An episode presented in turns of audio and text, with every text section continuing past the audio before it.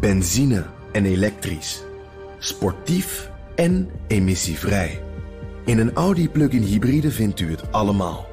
Ervaar de A6, Q5, Q7 en Q8 standaard met quattro vierwielaandrijving. Wat u ook zoekt, u vindt het in een Audi. Audi. Voorsprong door techniek. De wereld. Al meer dan een maand gaan iedere dag duizenden Bulgaren de straat op. Ze eisen het vertrek van premier Boyko Borisov.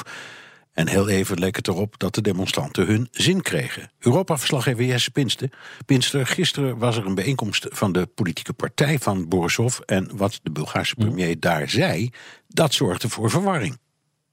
Ja, hij zei op het partijcongres: Ik ben er klaar voor om op ieder moment te vertrekken. Want ik wil er niet voor zorgen dat ja, ik de reden van allemaal spanningen ben.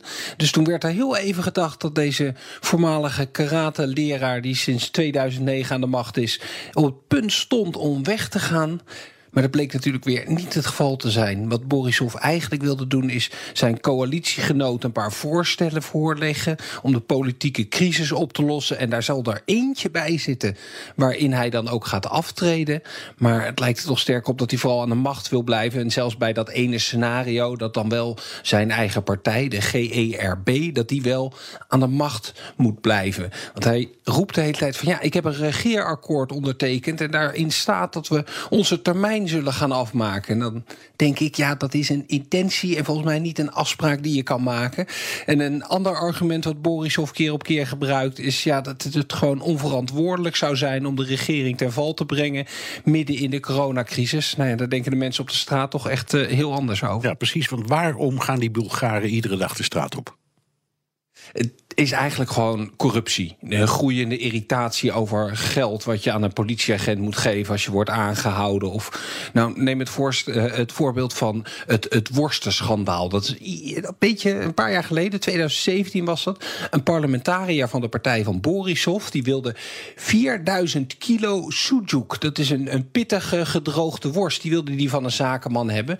En hij zou daarbij gezegd hebben: ja, dat is voor Borisov, de premier er is geen bewijs dat er ooit Sujuk ook echt bij de, uh, de premier terechtgekomen is. Nee, en zoveel worstjes kan die man nooit op. Nee, maar dat moet hij dan weer uitdelen waarschijnlijk of zoiets. Kijk, het is natuurlijk een beetje een, een grappig voorbeeld. Maar uh, kijk, Bulgarije, dat is wel het meest corrupte land wat, wat er is binnen de Europese Unie. Volgens onderzoekers van uh, Transparency International. Ook het armste land trouwens in de EU. Ja, corruptie is uh, al heel lang. Het schandaal waar je over praat is een paar jaar oud. Wat was de reden dat een maand geleden de mensen plotseling opnieuw gingen demonstreren? Ja, dat heeft vooral te maken met rijke zakenmannen die beschermd worden door de regering. En degene die echt de, de lont in het kruidvat uh, stak, dat was een maand geleden een, een politicus van uh, de oppositie. Die was in een rubberbootje gaan zitten.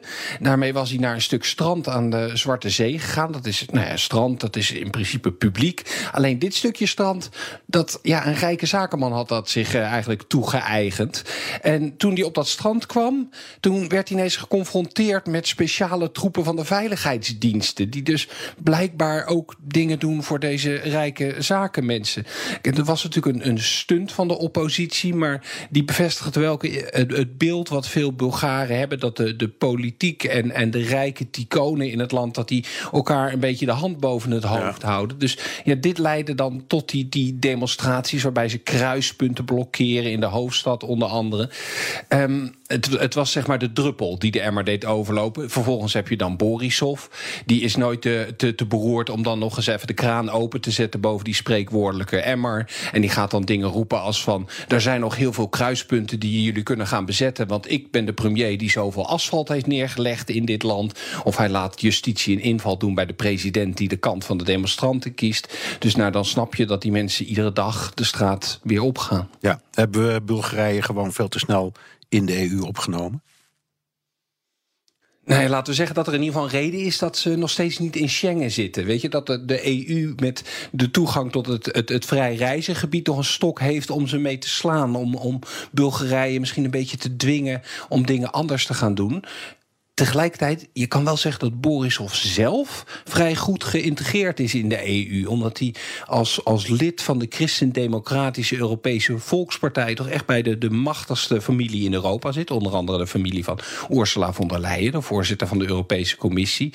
Dus dan krijg je dat ondanks al die demonstraties de Duitse minister van uh, Defensie, weet je wel, die, die vrouw die ooit Angela Merkel zou gaan opvolgen, wat niet doorgaat. Dus de Annegret Kramp-Karrenbauer, dat die nog eventjes langskomt. Of dat de, de fractievoorzitter van de EVP in het Europese parlement, de heer Manfred Weber, nog even met een statement komt met volledige steun. En dat Borisov juist degene is die, die ja, het, het succes van Bulgarije in Europa noemde die het. Weet je, en dat is dus ook, ook een kaart die Borisov steeds speelt. Van ik ben de enige die dit land op een Europese koers houdt. Het is ook niet voor niks dat zijn partij, die GERB, die afkorting, die staat voor Burgers voor de Europese Ontwikkeling van Bulgarije. Maar weet je, het is duidelijk het steeds meer een schets te worden. We, we kunnen niet zonder hem. te geloven. We kunnen niet zonder hem, Jesse. En we kunnen ook niet zonder jou, Europa-verslaggever Jesse Pinster. Wilt u meer horen over het spel in Brussel? Luister dan naar de podcast Europa Mania van BNR en het FD.